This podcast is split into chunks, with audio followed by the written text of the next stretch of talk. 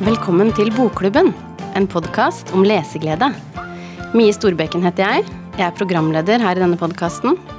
Og i dag så skal vi ta opp et tema som angår alle, nemlig skeiv representasjon i barnelitteraturen.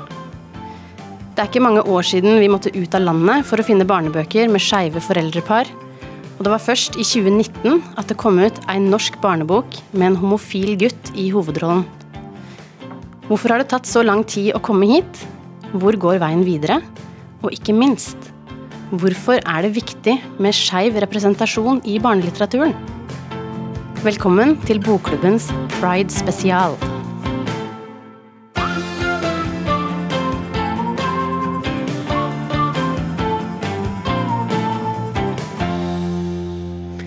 I dag er jeg så heldig at jeg har fått med meg tre gjester i studio.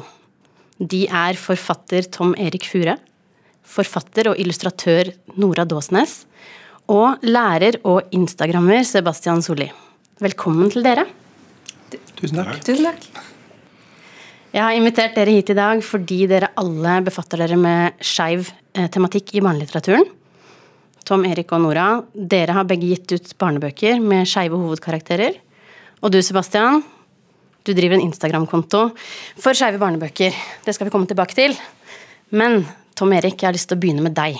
Fordi du har skrevet en bokserie som rett og slett er historisk. Ja. Nemlig serien om Benny. Benny er så vidt jeg vet den første serien i norsk barnelitteratur med en homofil gutt i hovedrollen. Stemmer det? ja. Eh, som serie så er vel det òg den første og eneste som har eh, en skeiv hovedperson i det hele tatt. Mm. Da ikke regner jeg en serie som mer enn to-tre bøker. Ja. Mm. Det er kommet fire bøker så langt, ikke sant? Stemmer. Mm.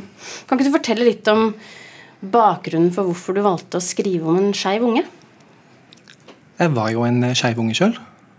Og det er jo det mange som tror at man ikke kan være. Men eh, det var jeg. Og eh, det var vanskelig å, på den tiden der. Det, det er mer sånn jeg ser tilbake på og skjønner at det var. Mer enn at jeg opplevde der og da. Så jeg tenker at hvis jeg hadde hatt sånne type bøker som eh, både meg og Nora skriver, så hadde nok det vært mye lettere å navigere som barn. Um, og jeg ville nok mye tidligere funnet ut av hvem jeg er, og ja, hvem jeg liker, og, og alle sånne ting da, som, som jeg skriver om i bøkene. Så det var vel eh, inngangsveien til eh, ja, å skrive om det. Mm. Kan du fortelle bare litt grann, hvem er Benny? Benny er en uh, liten jævelunge, syns nok uh, foreldrene hans. Ser jeg for meg mange ganger. Uh, han havner i veldig mye bråk i ett sett fordi at han har en tendens til å skyte først og stille spørsmål etterpå. Og han er jo forferdelig, forferdelig forelsket i en Jeg vil ikke akkurat si kompis, men i alle fall eh, sønnen til foreldrene sitt vennepar i den første boken. Og de har ikke sett hverandre på ganske lenge når den boken begynner. Og det siste bandet jeg husker fra han, var jo at han ble veldig stum og begynte å bable etter hvert, og klarte ikke egentlig å te seg så godt som han kanskje skulle ønske. Og han tror jo at det er fordi at eh, Ken bare er veldig kul og liksom noe å se opp til. Men så viser det seg selvfølgelig at han er jo egentlig litt forelsket i han da. Og så eh, går det derfra, eh, slag i slag, med å prøve å redde julen i første bok. Prøve å redde sin gode nabo og reservebestemor Magda Rose i eh, neste bok. Og eh, så hjelper han jo hun igjen for å hjelpe søsteren hennes, som driver en eh, ufo-camp, i tredje bok. Og der kan jo det være både ufoer og pyromaner og ymse div. Og nå i den siste boken så har han omsider blitt tvunget med på denne sydenturen som han klarte å avverge i den første boken. Så sirkelen er på mange måter sluttet, og det skjer jo mye, mye, mye sykt på den turen der. Ja, For det er ganske sånn hysterisk uh, stil Ja, det, du bruker når du skriver. det må det være. Det må det være. mye utropstegn og store bokstaver. Um, ja, så jeg syns det er viktig å, å Man kan si veldig mye med humor, syns jeg. Eh, mye viktig. Man trenger ikke alltid ha en seriøs, uh, et seriøst bakteppe når man skal skape Eller fortelle noe seriøst. da. Jeg syns det funker like godt å bruke masse humor og crazy things for å få frem et viktig budskap. Jeg har lyst til å dra inn deg, Sebastian, fordi du er jo veldig begeistra for Benny-serien. Veldig. Det er en stor dag for meg å få være her både med Nora og med Erik. ja. Kan ikke du fortelle litt sånn, Når du leste den første boka, Ja. fortell litt om førsteinntrykket ditt. Ja, men Det er jo akkurat det som han sier her. ikke sant? Jeg er jo også en skeiv unge. Og når jeg leste den boka her, så ble jeg jo den skeive ungen igjen. Og jeg tenkte Tenk hvis jeg hadde lest den boka her da jeg var liten. For det er jo først og fremst en sjukt morsom bok. Og, med alt dette jul og det hele hysteriet. ikke sant? Den er jo veldig sånn hjemme alene-stil. Um, og, og, og så kommer den skeive tematikken i tillegg til det her. Så, så jeg tenker det her hadde vært drømmeboka eh, som liten. Og egentlig fortsatt. Og egentlig fortsatt. Ja, fordi i begynnelsen så er hele den skeive tematikken er litt sånn nedtona. Vil du ikke si det, Tom Erik? Jo, altså, som jeg pleier å si, den ligger som en liten elv og flyter i bakgrunnen. Bak alt dette hysteriske, som dere sier. Mm. Og så bygger det seg opp veldig. I fjerde bok er det jo ganske Honey, it's gay. Yeah. It's Fra, gay. fra forsida. Ja, ja og det, når du nevner forsiden, det syns jeg var veldig viktig på, um, um, på denne boken, og egentlig skeiv litteratur i det hele tatt. For nå har vi endelig fått noe skeiv litteratur. Eh, og da syns jeg vi òg må tørre å vise at vi skriver skeiv litteratur. Og putte det på omslagene våre. Det er noe med det å Det slo meg ikke egentlig før den fjerde boken at det er ingenting ved de tre første bøkene mine som sier at dette er skeive bøker, når du ser på coverne. Um, så denne gangen så vil jeg virkelig eh, smekke folk i trynet med det. At her er, dette er en skeiv bok. Og um, det bør være like naturlig å se to gutter eller to jenter som kysser hverandre på, eller holder hender eller hva som helst på cover til en barnebok, som å se en gutt og en jente gjøre det. Så da må vi bare slå et slag for det. Jeg tror du må forklare hvordan den ser ut. Det er Benny og Ken eh, utkledd som eh, havgutter, altså med underkroppen er sånn type Little Mermaid-type. Eh, og så er det en gigantisk vulkan i bakgrunnen som eh, eksploderer. Mens de kysser. Mens de kysser. Ja, det var litt viktig. Snakk om å glemme hovedpoenget. yes. Mm. Ja, for jeg tenkte jo litt at det kanskje var gjort med mening. Eh, Prøvde du også å lure folk til å lese første boka? Nei. Nei. Vi, altså Det er faktisk meg som har kommet på og skissert og art directed alle omslagene mine sjøl. Så eh, det, det, det går på meg. jeg tenkte egentlig ikke så veldig mye over det i begynnelsen. At det, liksom, at det måtte på en måte representere noe skjevt eh, i det visuelle. da, Sånn på utsiden av boken, iallfall. Så eh, Nei. Prøvde ikke å lure folk til å lese den. Jeg håper jo at mange blir lurt da, til å lese den. Og så blir de dratt inn og bare du vet, blir fans med en gang.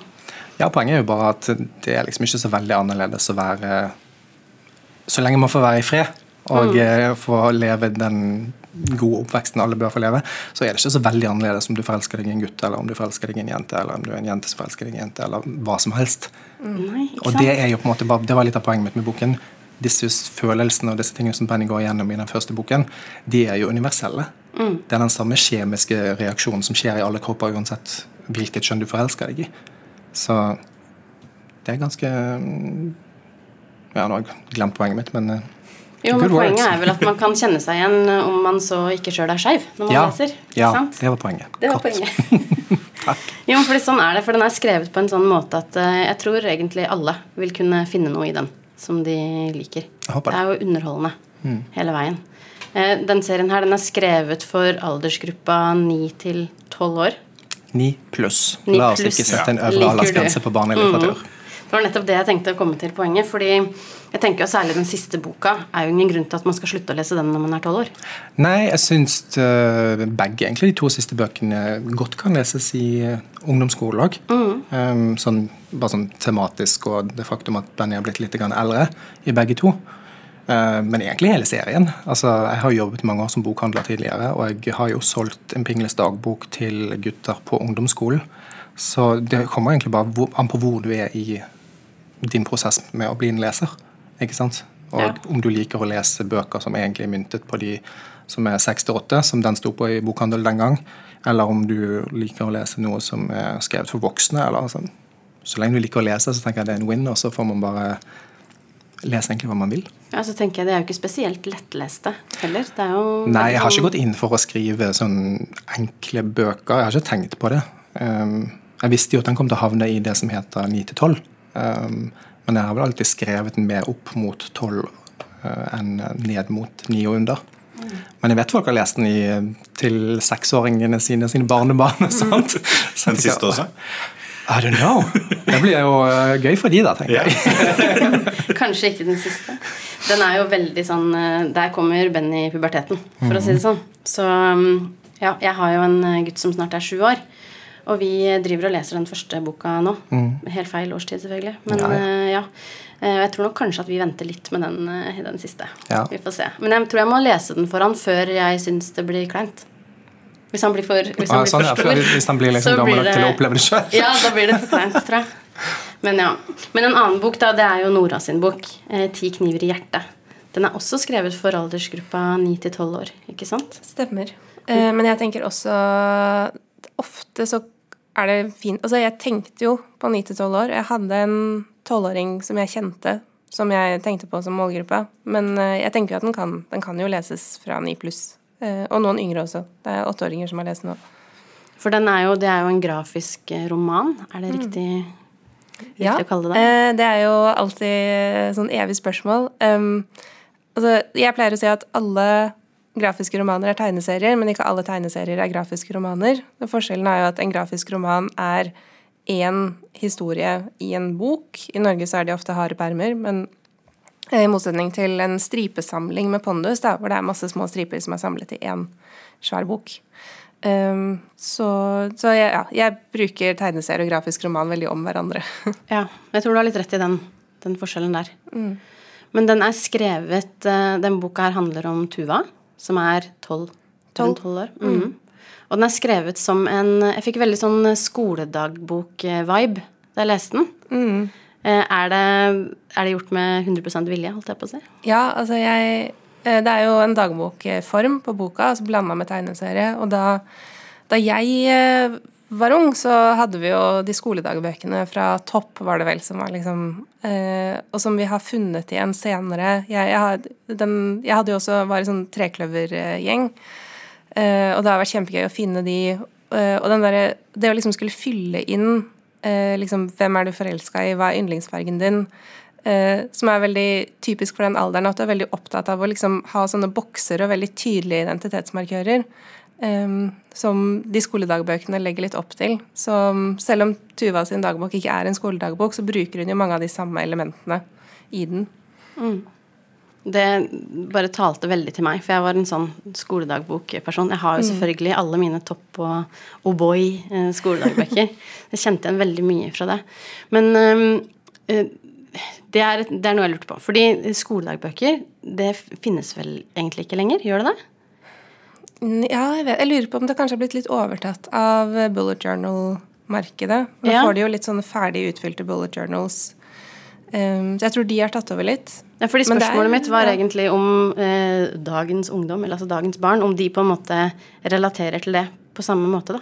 Ja, nei, for de har bullet journaling, som er liksom det nye. Eh, Så er det mer at du lager dine egne oversikter og sider og sånn, men det har mye av den samme effekten at du liksom Det skal se visuelt fint ut. Og det jeg tror de har mista litt, er jo at man skriver ikke så mye i hverandres bøker. For det var jo veldig koselig med de skoledagbøkene. Um, men eh, det er fortsatt Det er ikke så mange som skriver dagbok fast, men det er alltid liksom et par stykker som holder på med det i, når jeg er ute på skolebesøk. Så. Bruker du mye av deg sjøl når du skriver altså karakteren Tuva? Er det mye av deg i henne, på en måte?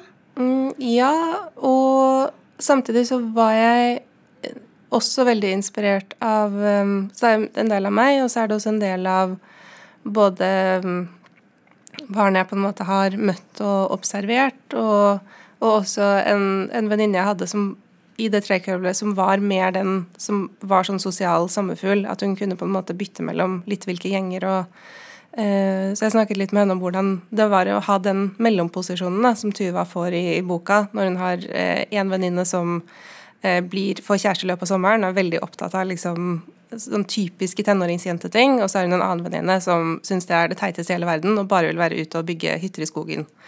Uh, og hvordan du liksom navigerer å ha venner som har så forskjellige interesser, det Jeg var jo mer team bygge hytte i skogen, litt sånn hardliner på det. Um, så det er litt annerledes enn sånn jeg var. Ja. Jeg likte veldig godt at du tok opp det som tema, for jeg tror det er sånn som alle kan relatere til. Når du står liksom Jeg husker så godt en venninne jeg hadde som plutselig bare slutta å leke. Mm. Ikke sant? Jeg bare husker hvordan det var sånn inni hodet mitt. Jeg klarte ikke helt å forstå. Nå, nå leker ikke du mer, liksom. Hva, men hva skal man gjøre da? Når man ikke leker. Det, er helt, det er vanskelig å forstå. Ja. Men Sebastian, du eh, er jo lærer for en sjette klasse. Det er jo midt i, eh, midt i målgruppa her. Midt i målgruppa. Og det er jo aldri liksom en dag uten at bøkene om Benny og, og Ti kniver i hjertet De ligger alltid på klasserommet på en eller annen pult. Ja. Og da ble jeg så glad. for det var sånn, yes! Og jeg har, ikke, jeg har ikke gått direkte inn for det, liksom. kanskje litt sånn i det skjulte, men de ligger der av liksom deres eget initiativ. Og da ble jeg sånn, yes! Ja, Så de er populære. De er det. Ja. Kjenner du deg igjen også i den Ti kniver i hjertet, eller? Eh, ja, veldig. Ja. Eh, og det er som Jeg kjenner både igjen liksom meg selv fra da jeg gikk på, på, på skolen, og sånn det er i dag. Jeg synes du har liksom gjort det så veldig fint. Eller, ja, vet jeg ikke om alt har forandra seg så veldig fra da jeg var, var ung, men jeg tenker det er sånn veldig sånn fin balanse. Både nostalgi pluss at det er, det er for dagens barn. Det er ikke for, bare for meg som husker ungdomsskolen, liksom. Eller barneskolen. Nei, for de har jo mobiltelefoner. Da. Det hadde ikke jeg da jeg var tolv år. For å si det Nei, sånn. ikke jeg heller. Så gamle- jeg hadde er sånn, eh, sånn Nokia på en måte, hvor vi kunne, vi kunne stå i skolegården sånn veldig tett inntil hverandre og sende hverandre den der Grandiosa-sangen på Bluetooth. Dette er så fascinerende å høre om for oss gamliser. Ja, Men vi hadde jo ikke for eksempel nå at kan, altså, Alle kan se hvor de andre er i Snapchat. Sånn, du kan stalke hverandre så innmari lett, og du kan se alle tingene du ikke blir invitert til fordi folk deler de stories. Så det er jo noen sånne ting som jeg har måttet liksom ta med inn. Eh, og også noen typer forviklinger som kan skje i en 80-tallssetting, som ikke kan skje nå, fordi alle har mobil. Jeg så Døden, for, Døden på Oslo S nylig. Og jeg tenkte sånn, de, det, så den, de kan jo ikke moderniseres, fordi hvis disse hadde hatt mobiltelefoner, så hadde jo hadde det løst seg så mye fortere. Ja, det hadde altså- ikke vært et problem. liksom. Nei, altså det hadde jo vært et problem, men det hadde liksom Det hadde utspilt seg på en helt annen måte, da. Det er veldig interessant, det der. Men du, Sebastian. Um, jeg tenkte å snakke litt om hvorfor du er her. Hvorfor du er her. Ja. Du eh, driver jo eh, Jeg liker å kalle det Norges eh, største Instagram-konto på norsk for skeive barnebøker. Ja, Ja, der har du meg. det er deg. Ja. Eh, kan ikke du fortelle litt om eh, hvorfor du starta opp en sånn type konto? Det er veldig nisje. ja, eh, det er jo litt sånn som vi sa i stad, for jeg deler jo det med eh, Tom med at altså, å vokse opp skeiv uten noe representasjon eh, noe som helst sted, egentlig. Jeg visste jo ikke hva det var engang. Jeg skjønte jo ikke at jeg var det. altså, det, var, det var bare ingen som snakka om det. Og når det ble snakka om, så var det jo et negativt ord. Da, det, da man begynte å lære det litt sånn på slutten av barneskolen. Um, og så, og var det vel faktisk den første boka om Benny um, som jeg så på biblioteket. Og da hadde jeg jo ikke hørt egentlig noe om den. Og den, det det sa den ser jo ikke skeiv ut. Og så leste jeg bakpå den, og så sto det at det var den første norske eh, skeive hovedpersonen. Og så tenkte jeg kan det være sant, liksom? er, det, er det mulig? Eh, og så begynte jeg å undersøke det, og det var utrolig vanskelig å undersøke. Det var forferdelig vanskelig å finne noen lister med, med bøker som har uh, skeivt innhold for barn. Og da tenkte jeg dette må noen gjøre noe med. Og så var det meg, da. Det var det deg, da. Dette var i 2021, ikke sant? Det tror jeg du husker bedre enn meg. Jeg tror det var i 2021, ja. Mm, Ja. Ja, for Ja. jeg det var to år nå. Ja. Nylig. Den kontoen. For det jeg tenkte jeg skulle si, var at det har jo skjedd en del på, eller i den norske barnelitteraturen de siste årene. Det har skjedd masse. Eh, det sitter jo to her som på en måte har hjulpet situasjonen mye.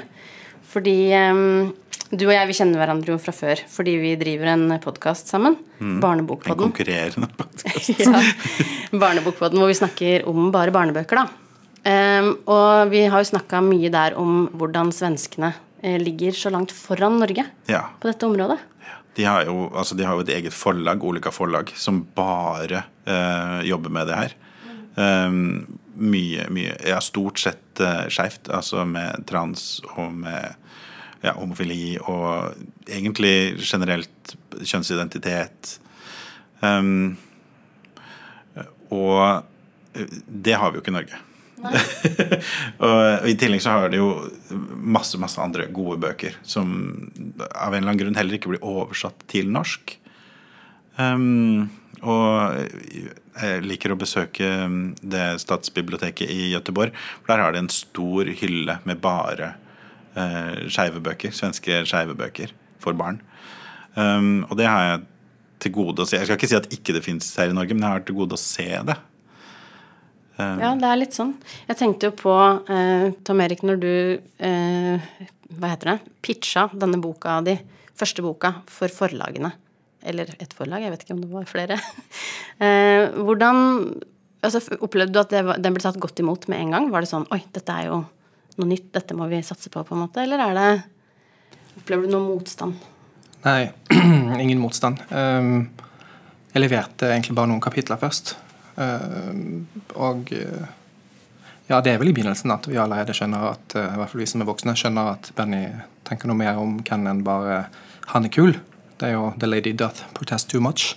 Um, så um, det var egentlig bare de tre-fire første kapitlene, tror jeg, og de fikk jeg kjempegod tilbakemelding på. Og så um, skrev jeg vel litt sånn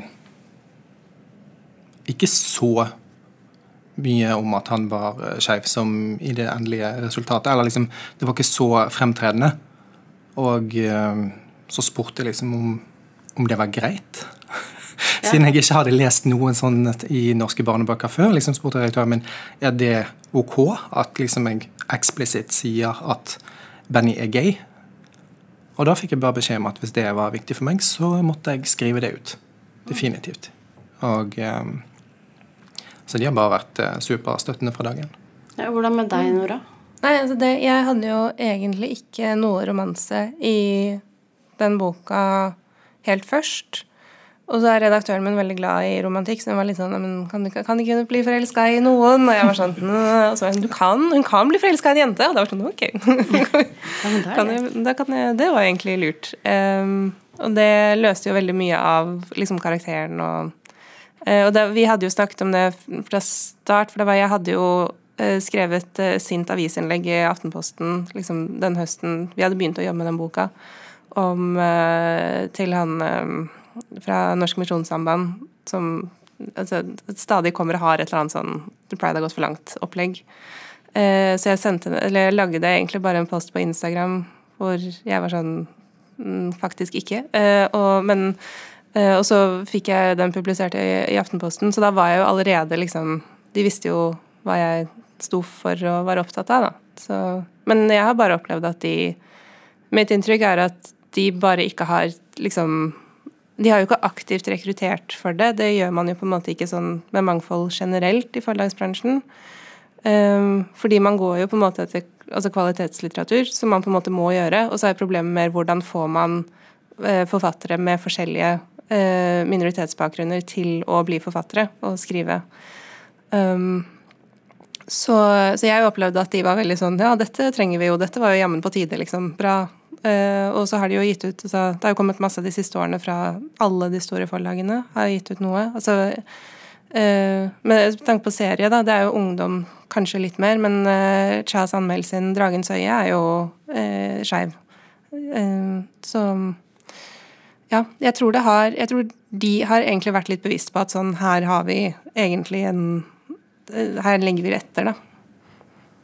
Ja, det jeg syns jo det er fascinerende. Jeg vet ikke hvorfor svenskene skal være så mye bedre på dette enn oss.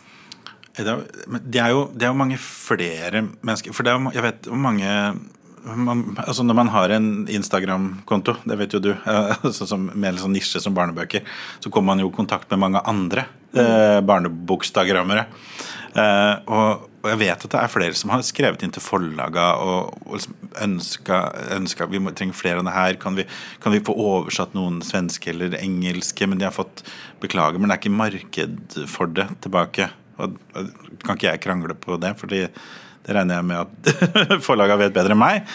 Men, eh, men, men- men er, det, er det så enkelt, liksom? Er det bare det at svenskene er så mange flere enn oss at de kan, kan gjøre det? Ja, jeg det håper er, at ikke det eh, er noen mer grumsete grunner. Nei, jeg kan ikke helt forstå det. Eh, Men jeg tenker at eh, Altså, jeg har jo barn som er født i 2014 og 2016. Og i 2017 så kom jo den første, hvis jeg ikke husker helt feil nå, så kom første Brillebjørn-boka eh, i 2017. Eh, og Brillebjørn som er skrevet av Ida Jackson. Og de bøkene Altså, Brillebjørn, han har to mammaer. Og det uten at det gjøres noe tema av eh, i bøkene, eh, ikke sant. Og det syns jeg var så fint og forfriskende. Jeg ante ikke jeg, altså jeg fikk en bok jeg tror jeg lånte på biblioteket. Jeg visste ikke helt, hadde sett den på TV, ok, og så visste jeg ikke helt hva det var. Og så var det en sånn overraskelse at her er det to mammaer. Da, jeg syns det var så fint. Og for mine to barn, da, så er det De vokser jo opp med at det er helt normalt. Ikke sant? Så ja, vi, vi trenger mer som Brillebjørn, rett og slett. Også for de yngre aldersgruppene, da. Ja, Vi trenger mer som Brillebjørn generelt. Ja. Jeg tenker at hvis vi kan eh, gjennom litteraturen gjøre det sånn at skeive barn eh, opplever at de ser seg selv, da, så vil de slite mindre med at eh, de er annerledes. Mm, og jeg tror at mer er stikkordet, fordi det er jo eh, Det tror jeg Jeg tenkte i hvert fall på det, at jeg måtte bare fri meg fra tanken om å skrive den eh, liksom boka om jente som blir forelska i jente i Norge. Fordi det finnes jo Du kan ikke representere alle i én bok. Eh, det er ikke sånn at alle kommer til å kjenne seg igjen i den. Um, så eh, poenget er at vi må ha liksom, nok bøker til at du har og også både sånn at de som er skeive selv, kan kjenne seg igjen, men også at det representerer forskjellige miljøer, sånn at alle de streite barna kan liksom eh, se at det ikke finnes én opplevelse, og at det finnes mange måter å leve på og være på. Eh, forskjellige miljøer, da. Så det, eh, det, det er litt, tenker jeg, et problem med norsk forlagsbransje generelt, at vi oversetter ganske lite. Eh, Det handler jo litt om insentivordningene vi har med innkjøpsordningen eh, og sånn. At det politisk er jo lagt opp til at det skal være mye norsk litteratur. Eh, Men det gjør jo at det blir vanskelig med f.eks. minoritetsstemmer, da, fordi vi er et land med liksom fem millioner mennesker. Det er jo ingenting. Vi er veldig få. Um, så jeg tror kan, Spesielt for minoritetsstemmer så tror jeg den oversettelses... Altså modellen vi har, da, er, kan være et problem. Det tror jeg du har veldig rett i. Det ser man jo også på eh, kontoen til Sebastian. Eh, Du har litt eh, norsk litteratur, og så har du mye eh, på engelsk og svensk. Ja, jeg prøver å få tak i liksom, alt som er på norsk. men det er mye svensk og engelsk, for hvis ikke så hadde den jo nærmest ligget brakk. Ja. Det er jo litt eh, Men jeg ser jo også at det kommer mer og mer at de oversetter um, også i sjangeren young Eller sjanger og sjanger, hva heter det? Aldersgruppe. Young adult. At det kommer en del um, skeiv litteratur. Uh, Heartstopper, for eksempel. Vil du fortelle litt om Heartstopper? Fortelle litt om Heartstopper. Eh, det vet jeg ikke om jeg kan. Jo. det er jo det er en grafisk romanserie om, om to gutter som forelsker seg. Og For ungdomstrinnet. for ja. Ja! Og, ja, nå sa du sjøl young adult. Pluss, ja. ja. For det er jo sånn Hvorfor sette tak på det? Det blir, det blir for dumt. Um, jeg vet ikke hva mer jeg skal fortelle om det, for historien er vel egentlig det at de forelsker seg, og deres eh, forhold og miljøet rundt dem. Det skjer ikke noe sånn eh, kommer ikke noen drager eller noe. De må ikke redde verden. det handler om to, to gutter. Ja. Tenåringsgutter, er det ikke så? Mm. Um, ja, nei, du trenger ikke si noe mer. Du kan få si hvem som har skrevet det. Alice Osman. Ja, Veldig bra, Sebastian. Jeg Veldig noterte her. Ja, så bra. Jeg tenkte at jeg gjerne ville høre med deg, Nora. Fordi jeg så nemlig at du skrev en kronikk om uh, ordet skeiv. Fordi uh, det var vel noen som hadde et leserinnlegg som syntes at det ikke var noe fint ord å bruke. Eh, og da kom du og, med litt folkeopplysning. Og det syns jeg hadde vært fint om du kunne gjenta her. Ja. ja og det, jeg skjønner godt at folk lurer um, på hvorfor det blir brukt. For det er jo um, Det er jo mange ord som vi i det skeive miljøet har tatt tilbake, som tidligere har vært brukt som skjellsord. Uh, men skeiv er jo et av de ordene som har uh, fra norsk egentlig kommet via engelsk, via eh, LHBT pluss-miljøet i USA og Storbritannia. Eh, og blitt brukt kjempelenge i, av den norske bevegelsen. Det er, eh, og det betyr ikke at det ikke er eldre eh, LHBT pluss-personer i Norge som syns det er et ubehagelig ord og ikke vil bruke det om seg selv. Så det er jo noe som jeg respekterer, og som jeg har hatt liksom, samtaler med, med folk fra generasjoner lenger opp. Men jeg tror grunnen til at mange unge er veldig glad i det, er at det er Du hører det jo når jeg sier LHBT pluss, at det er, det er, litt tungt å si. Um, og jeg uh, som bifil føler meg jo ofte ikke helt hjemme hvis man snakker om homser og lesber sånn som generasjonen før meg gjorde, for det er ikke, det er, det er ikke meg. Uh, og det er det samme for uh, transfolk og ikke-binære og de som egentlig bare utforsker litt, sånn at du ikke trenger å liksom hoppe inn i en veldig sånn rigid merkelapp fra begynnelsen, men at du kan bruke skeiv mens du finner ut av ting. Det er et ord som på en måte rommer alt. Um, så Det er jo grunnen til at uh, mange har gått over til å bruke det. Uh, og det er også et ord som jeg i hvert fall er komfortabel med at også streite bruker. da, Fordi jeg merker at det, uh, det flyter bare mye lettere inn i setninger. Og, um, og, også fordi det har ikke Selv om det har blitt brukt som skjellsord, så kommer det ikke fra f.eks. ordet 'faggot' vil jeg råde folk til å ikke bruke. for det kommer fra tenved Eh, fordi man da refererer til at skeiv ble brent på bål i middelalderen. Så det ville jeg, liksom, vil jeg ikke kalt en person, med mindre du selv er en homofil mann. på en måte. Det er noe med sånn Å vite litt historikken til ord før man uh, bruker dem. og ja. Takk. Da fikk vi satt det skapet på plass, holdt jeg på å si. um, det er jo ikke bare fryd og gammen uh, for tiden. Når vi gikk inn i pride, altså inn i juni måned i år, Eh, og pride skulle starte, så eh, var det jo mye medieoppslag eh, om brente prideflagg, og det var Redd Barna måtte avlyse sin, sitt pride-arrangement for barn. Og det har dukket opp noen kommentarfelt der ute som ikke ligner noe som helst.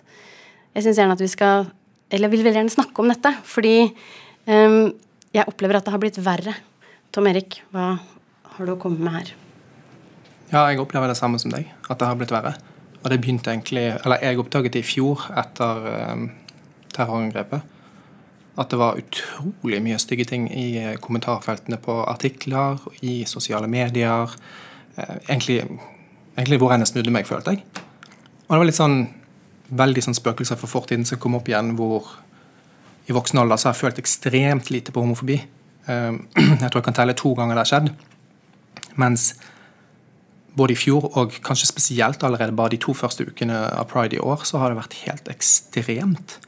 Og jeg har bare vært basically rasende to uker i strekk. Mm. Fordi at det er Det sykeste av alt er at det er, det barnearrangementer de går etter. Og liksom tenk på barna, beskytt barna. Og så tenker jeg men hvordan da? Ved å sende inn trusler om vold? Og liksom skrive de styggeste ting i kommentarfelt. Og det er jeg ble helt satt ut. Ja, Det er ganske ekstremt. Ja. Sebastian, du har også vært ute og ment litt om dette. ment litt om det, ja, for det er dette der, den derre tenk på barna. Men altså, det er jo overhodet ikke det de gjør. Og det er jo det som er så frustrerende. For altså, vi var jo, vi jo skeive barn. Altså, tenk på oss, da. Altså, det er jo barn der ute som er akkurat der hvor vi var. Mm. Eh, og som hører, og som opplever det her. Og så, og så, gjemmer de det bak den derre 'tenk på barna'. Jeg blir så forbanna. Så jeg begynner å grine når jeg snakker om det. Ja. For det er altså, altså, Jeg jobber jo på en barneskole. Jeg ser jo skeive barn. Eh, kanskje de ikke vet det selv. Kanskje de vet det selv. Eh, kanskje de finner ut snart. Eh, men de skal slippe å høre og lese de der grusomme tinga der. Og oppleve det. Det gjør det jo så vanskelig for dem. Så dere, tenk på barna. Ah, Piss meg i øret, jeg blir så forbanna. ja, jeg tenker jo at det er et uh, ordentlig tilbakesteg, da. Uh, samtidig som jeg også tenker at det er litt fint at det kommer frem i lyset, uh, disse kommentarene. at vi får vite om at det finnes folk der ute som mener disse tingene her. det er jo nyttig. Da kan man jo kanskje begynne å jobbe med det. Men Nora, mm. du har også skrevet i sosiale medier om det her. Mm. Nei, og det er noe jeg har tenkt mye på hvorfor eh, jeg, er blitt, jeg er veldig interessert i uh, radikalisering på nett, fordi jeg har skrevet også en bok om 22. juli, uh, og vært veldig opptatt av det siden 22. juli. Men um, jeg tenker jo at noe av det som har skjedd, også fordi jeg har fulgt, eh, også i Storbritannia, fulgt debatten om transpersoner der, som har vært helt grusom. Um, og vi i Norge, så har vi spesielt i Norge, men også resten av verden, så har vi, vi fikk et lite pusterom etter at vi fikk ekteskapslover som kom, gikk liksom ganske sånn dominoeffekt. Og så Eh, og da tror jeg det var mange som tenkte at ok, nå har de på en måte assimilert litt inn i eh, det heteronormative samfunnet, og det virker som det går bra. Og så er det liksom transfolk som er sånn Kan vi også få rettigheter? Eh, og så har du hatt mange både politiske og religiøse aktører som har slått mynt på og manet til frykt om, eh, om kjønn, og, og så altså, Det går jo bare rett tilbake til hele resten av LHBT-miljøet. Det er ikke sånn at du kan ta ut transpersoner av, av den gruppa. Um, og jeg tror det har gjort at folk har følt at det har vært mer legitimt å være liksom, kritisk til pride, som de skriver. Um, og at eh, også det at de har sett at det er en måte å dra med seg folk inn i både høyreekstreme, men også konservative religiøse miljøer. Eh, du har jo også i f.eks. i Polen, da, hvor de har brukt det som en sånn og i Russland sånn, Dette er en sånn vestlig idé. Eh, de prøver å bruke det argumentet i India nå også, selv om lovene mot skeive der har jo kommet fra Storbritannia eh, under kolonitiden. Um, men at du bruker det i masse sånne reaksjonære miljøer som har funnet ut at dette er en liten gruppe som vi kan finne provoserende bilder, vi kan bruke argumentet om at det skader barn, sånn kjempeeffektivt for å gjøre folk sinna. Og så angriper de veldig sånn taktisk på poster på sosiale medier. Det kommer liksom grupper fra forumer. Jeg tror vi alle har tenkt nå på den Stolt-boka, til eh, Benjamin Silseth, eh, som fikk masse. Og da ser det jo ut som at det er Her har noen delt denne posten inn i en eller annen sånn Facebook-gruppe eller uh, forum, og så kommer alle samtidig og liksom tar den posten for å liksom vise muskler, da. Uh, selv om det ikke nødvendigvis er snakk om så mange mennesker. Um, men jeg tror jo det viktige er at mediene tar et ansvar i hvordan de fremstiller disse sakene, og hva de lar stå på trykk, og hva de reflekterer rundt. Hva, hva mener du når du skal vekte en sak? Er det sånn at du er liksom inhabil til å snakke om transsaken fordi du er trans selv? Eh, er det sånn at vi må vekte alle saker med en person som er litt sånn eh, Jeg syns kanskje at disse menneskene ikke skal eksistere. Altså Er det vekting, på en måte? Ja, og er det greit eh, ja, å spille ytringsfrihetskortet på sånne mm. ytringer, da? Ja. Så dette har jeg tenkt mye på. Som ja. ja. Eh, men jeg tenkte jo eh, Jeg så jo Cappelen Dam, de tok jo ned det innlegget. Det var en mm. uh, TikTok-video. Mm. Og det jeg tenker med Det som gjør det så farlig da når du havner på TikTok på den måten, er at der er det jo veldig mange barn mm. som er og ser og Ja, hvem vet hvilke kommentarfelt de havner nedi. Det tenker jeg kan være veldig sånn destruktivt. Et av argumentene som disse folka i kommentarfeltet bruker, er jo at det er skadelig for barn å lære om, eh, om trans, om eh, at det går an å være skeiv. Um, men hva tenker du, Tom Erik, hvordan påvirker det barna eh, når de er inne og leser i disse kommentarfeltene? Jeg tenker på disse TikTok-kommentarene og alt sånt. Mm. Det er jo egentlig bare en moderne versjon av hva sånn som vi to, i hvert fall mm. gikk gjennom Jeg var i jeg, så det var gikk gjennom når vi var på um, eh, barn på typ, begynnelsen av 90-tallet. Mm. Um, der hørte jo, sånn som meg, som kommer fra en liten øy utenfor mm. Bergen hørte jo om alle disse tingene som voksne sa. Når vi så på, for eksempel, Hvis man så på Syv søstre, så kommer det slenge kommentarer. Sant? For alle husker jo Roy og mm. eh, Frank, eller hva det heter.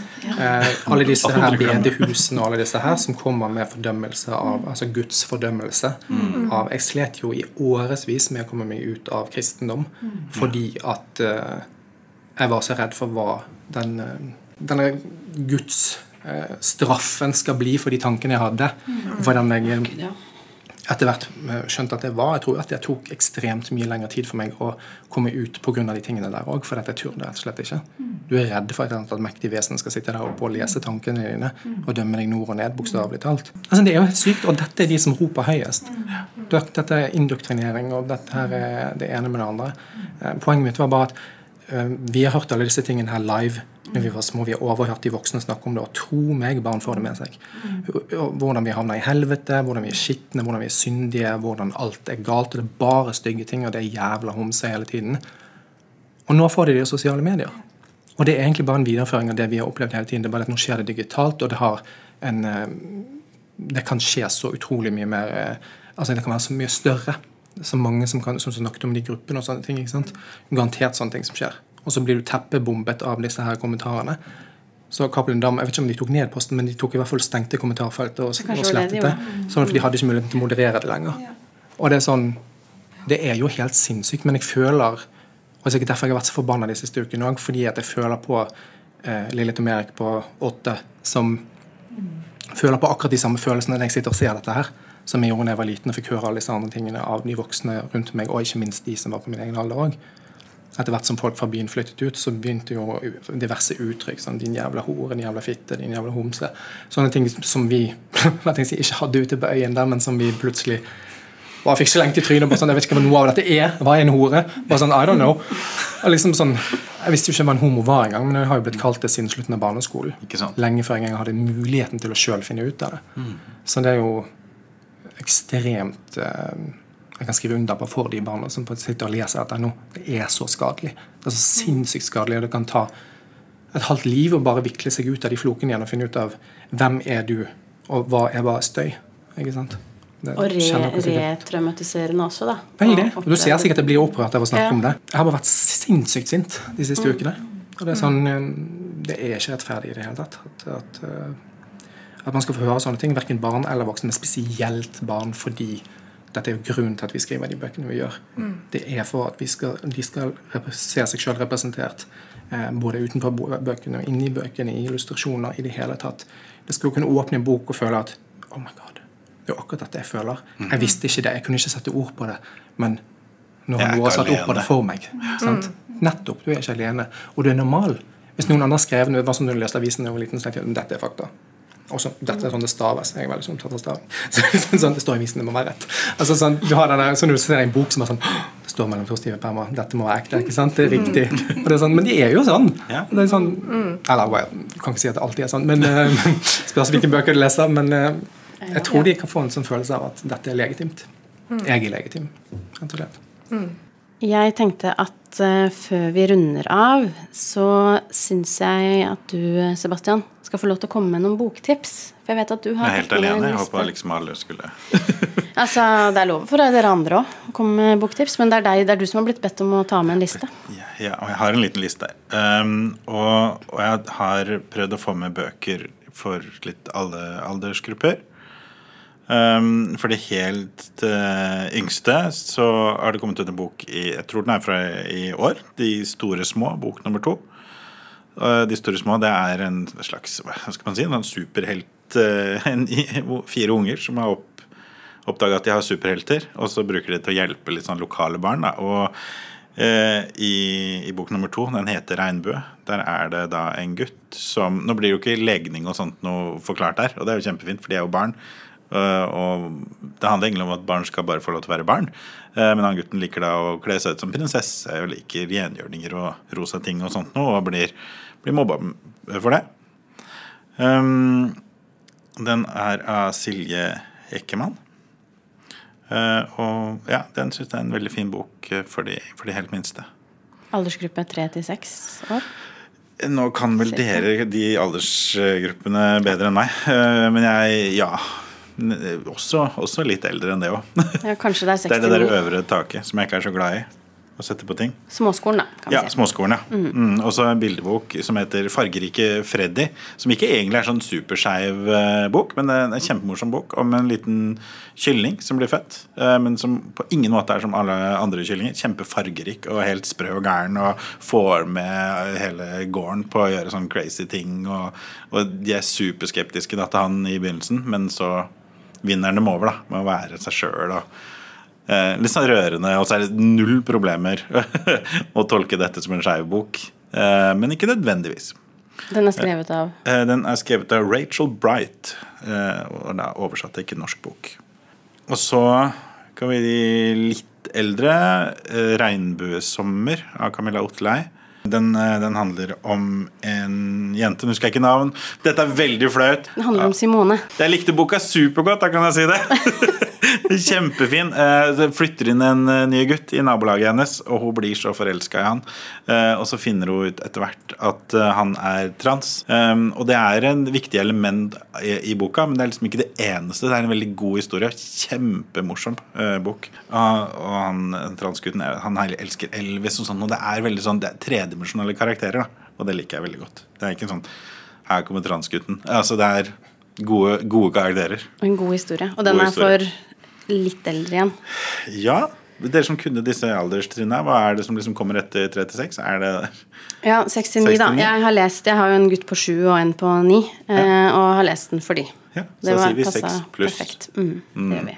Og så eh, Ville poter, tegneseriebøker om en revefarm. Første, første boka heter 'Revefarmen', andre heter 'Skogen'. Litt sånn dårlig gjort av meg å, å anbefale dem, for jeg har ikke lest dem ut. Men jeg bare liker så godt det jeg har lest, og jeg elsker tegningene. Hvem er det som har skrevet det? Victor Nordahl. Ja. Eh, Så han ble veldig inspirert når han, så, når han så hvor fælt det var på sånne revefarmer. Så de handler jo også om det. Ja, Så det er dyrevern uh, Ja, i det? det er det også. Og så selvfølgelig boka om Viktor Sotberg. Viktor. Ungene på skolen sier at uh, det er liksom jeg og Viktor som er liksom de skeive forbildene deres. Så jeg er sånn der, er yes, jeg og Viktor vi er liksom litt på nett, da. Jeg vet ikke om han er enig i det, men uh, Det spørs. du er like kul som Viktor, sier de. Ja, den handler jo om, uh, ja, li, li, om oppveksta til Viktor Sotberg. Og, og egentlig helt fram til nå, tror jeg. Eller i hvert fall godt ut i ungdomsåra. Også en tegneserie. Eller grafisk roman. Jeg tenkte vi må si noe, året- ja, noen er- flere setninger om, Om boka Stolt, ja, for det er jo årets viktigste bok. Det er det. Vil jeg, vil jeg si. Ikke til noen forkleinelse. Sorry, Tom Erik. Kanskje sammen, da. Sammen. Delt, ok, da, Vi kan dele den førsteplassen. Delt, del førsteplass. For det er jo mer en sånn eh, slags um, selvtillitsboost, vil jeg kalle den boka, egentlig. Ja. ja. Da jeg leste den, så, altså, for den fikk jo så forferdelig mye dritt uh, kasta mot seg, som vi sa. Um, det håper jeg ikke Benny gjør. Uh, for det var jo helt forferdelig. Og sånn, eh, da ble jeg egentlig litt sånn spent, ja, fordi, fordi det gikk så veldig på dette, Tenk at boka, det her står i boka, og dette står i boka. og jeg står alltid Alle de liksom veldig grafiske tingene her i boka, de gjør jo ikke det. For det handler jo dette om selvtillit og, og det å våge å være seg sjøl, være trygg og det å akseptere seg sjøl og egentlig forlange å bli akseptert òg, fordi man har jo krav på det. Og så har den et kapittel som eh, dreier seg om hvordan være en god venn. Ja, Eh, hvordan være en god alliert. Ja. Og det syns jeg var helt eh, nydelig å se. Og I tillegg så tar den opp alle forskjellige typer pronomen. Alt er veldig sånn godt forklart. Så den er fin egentlig for å lese hvis du sitter der ute og lytter på dette og er voksen og syns dette er noen rare greier. Tenker jeg eh, ta en titt i den boka. 'Stolt' av Benjamin Silseth. Mm. Jeg lurer på om jeg skal bare slenge inn en klassikeranbefaling Ja, gjerne. på grafisk romanfronten. Uh, Fun Home med Alison Bechdel. Uh, opphavskvinnen til Bechdel-testen, blant annet. Både grafisk romanpioner og skeiv tegneseriepioner. Uh, hun var egentlig stripetegner i den tiden man kunne leve av å være stripetegner for skeive aviser i USA. Uh, som er helt sjukt for meg å tenke på. Eh, men så stupte jo avissalget, og da var det heldigvis noen som sa skal ikke du lage grafisk roman, da? Eh, og så har hun laget et eh, en sånn helt fantastisk memoar om hennes oppvekst og forholdet til faren, som hun jo Det jo viser seg at han var jo også skeiv, men kom aldri ut av det skapet. Eh, og hun som nå, når hun liksom vokser opp og som lesbisk selv, da, og liksom ser hele forholdet til faren i et nytt lys i, i det. Så den er bare sånn kjempe Alle må lese. Ja, den er gitt ut på norsk òg. Ja. Husfred. Hus, ja, Husfred heter den på norsk. Ja. Så hvis man ikke vil lese på engelsk, så uh, går det faktisk an å lese den på norsk. Det er den på Serieteket i Oslo. Og der man har gode bøker ellers. Er det lov å spørre hvilken aldersgruppe dette er for? Den er voksen. Er for voksne. Eh, så ungdommer Ungdom, kan voksne, jo også lese den. Men eh, det er liksom det Jeg liker alltid å minne på at liksom, det finnes grafiske romaner som er voksenbøker. Ja. Fordi nå har vi hatt veldig mye barnebøker i Norge, og det, jeg elsker jo det. Men eh, det er jo en sjanger med masse ting som er voksen-voksen. Som jeg tror mye den Alison Bechtel-boka er kjempefin, men jeg tror ikke den er så spennende hvis du er ni, da. Eh, for det er noe med liksom det er, det er ikke så mye Det er det litt ting som går over hodet på deg. Eh, ikke fordi den er grafisk, men bare fordi det er liksom handler om voksne folk som blir voksne. Det, når du sier det der, så minner det meg litt om eh, eh, en grafisk roman som heter Gender Queer av Maya Ko- Kobabe. Ja. Ja. Den burde man jo egentlig lese etterpå for å få liksom Nå har vi kommet hit. Det er jo USAs mest eh, forbudte bok. Det, er jo, det betyr jo bare at man absolutt burde lese den. Og den er nylig utgitt eh, i norsk oversettelse. Ja. Er ikke boka di forbudt i USA, så er det, er det da en bok? det er noen seg. Nemlig. Før jeg slipper dere her i dag, så er jeg skikkelig nysgjerrig på hva dere egentlig driver og leser sånn for dere sjøl akkurat nå. Vi begynner med Tom Erik. Jeg leser en eh, young adult-roman som heter The Pledge av Cale Dietrich, som er australsk, tror jeg. Eh, Det er en grøsser, en slasher, som eh, handler om en gutt som heter Sam, som ble overfalt sammen med kjæresten sin og et vennepar på en hytte ute i skogen. Så hvis man har sett sånn Fredag den 13., og sånne ting, så kjenner man seg umiddelbart igjen i det landskapet der. Av en sånn maskert psykopat. Og jeg elsker uttrykket ditt nå. Det er ikke noe for meg. og Det er helt eh, så lever han eh, et liv i posttraumatisk stress etterpå, selvfølgelig, som han jo gjør etter å ha overlevd noe sånt. Så begynner han på college og blir med i et sånt eh, fraternity.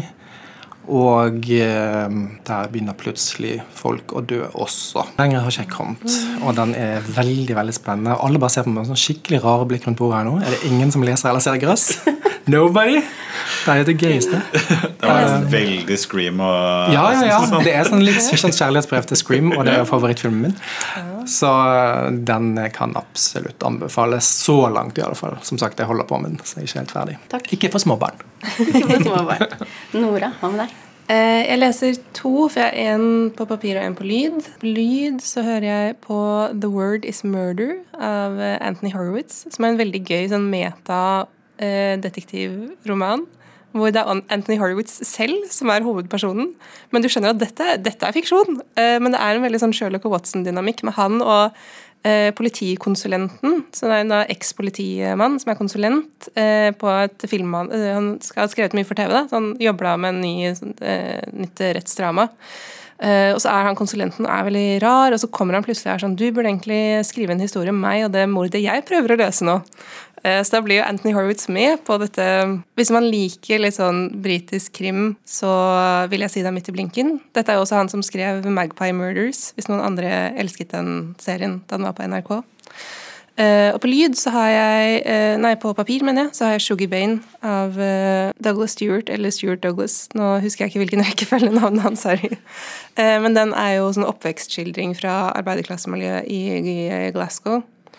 Og hvis man er komfortabel med å lese på engelsk, så vil jeg virkelig anbefale det, for da står jo all dialogen i skrevet ut liksom fonetisk Glasgow-dialekt, som jo er den sykeste dialekten eh, på det britiske Nei, det er ikke den sykeste. Det, er, det finnes verre, holdt jeg på å si, i Nord-England, men, men Glasgow er liksom eh, og får, Det er veldig sånn levende miljøskildringer og sånn nydelig språk, og den vant jo alle prisene. Eh, og den andre boka hans, eh, 'Young Mungo', Unge Mungo, den har jo eh, Der er det jo to menn som kliner på forsida, så jeg tenker at det det skal bare fortsette med det inn i sommeren, i, med litt eh, skeiv arbeiderklasse, Glasgow på 80-tallet-vibes. Det høres helt perfekt ut. Enn du, Sebastian? Eh, Jeg leser jo sikkert eh, også litt altså blir Ting blir liggende og sånt. Jeg leser liksom sånn 17 barnebøker på en gang. Men eh, jeg holdt på å si mest for min egen del så leser jeg en som heter 'Fjærilar på min hud'. Svensk bok. Som dere sikkert skjønte. Rebekka Quist. Som eh, er vel også en sånn slags young adult-bok om en jente som oppdager at hun har følelser for, for nabojenta. Som er litt mer sånn, nabojenta er litt mer sånn fri Fri sjel. Holdt på å si, Det er så langt jeg har kommet. Det er litt sånn, det er litt sånn, litt sånn stille bok. Ja, Det liker jeg godt. ja.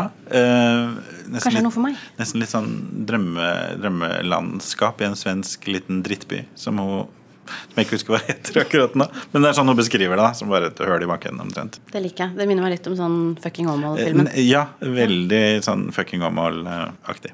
Og så tenkte jeg at jeg skulle ta med meg den Dragens øye som du fortalte, med, fortalte om i stad, hjem. For jeg har nylig oppdaga at den også var skeiv, så da må jo den ut på sida mi. Og så leser jeg Genderqueer. Ja, nemlig. Ja, her var det mye å putte på leselista. Takk skal dere ha. Tusen takk for at dere kom hit i dag. Det har vært helt nydelig. Jeg gleda meg så mye. Jeg var helt supernervøs. Nå har jeg bare skikkelig godfølelsen. Hjertelig takk. Vi legger ut liste av alle bøkene vi snakka om på Facebook-gruppa vår. Mer leseglede med Bokklubben heter den. Søk den opp, så slipper vi deg inn. Til alle dere, fra alle oss, gledelig pride.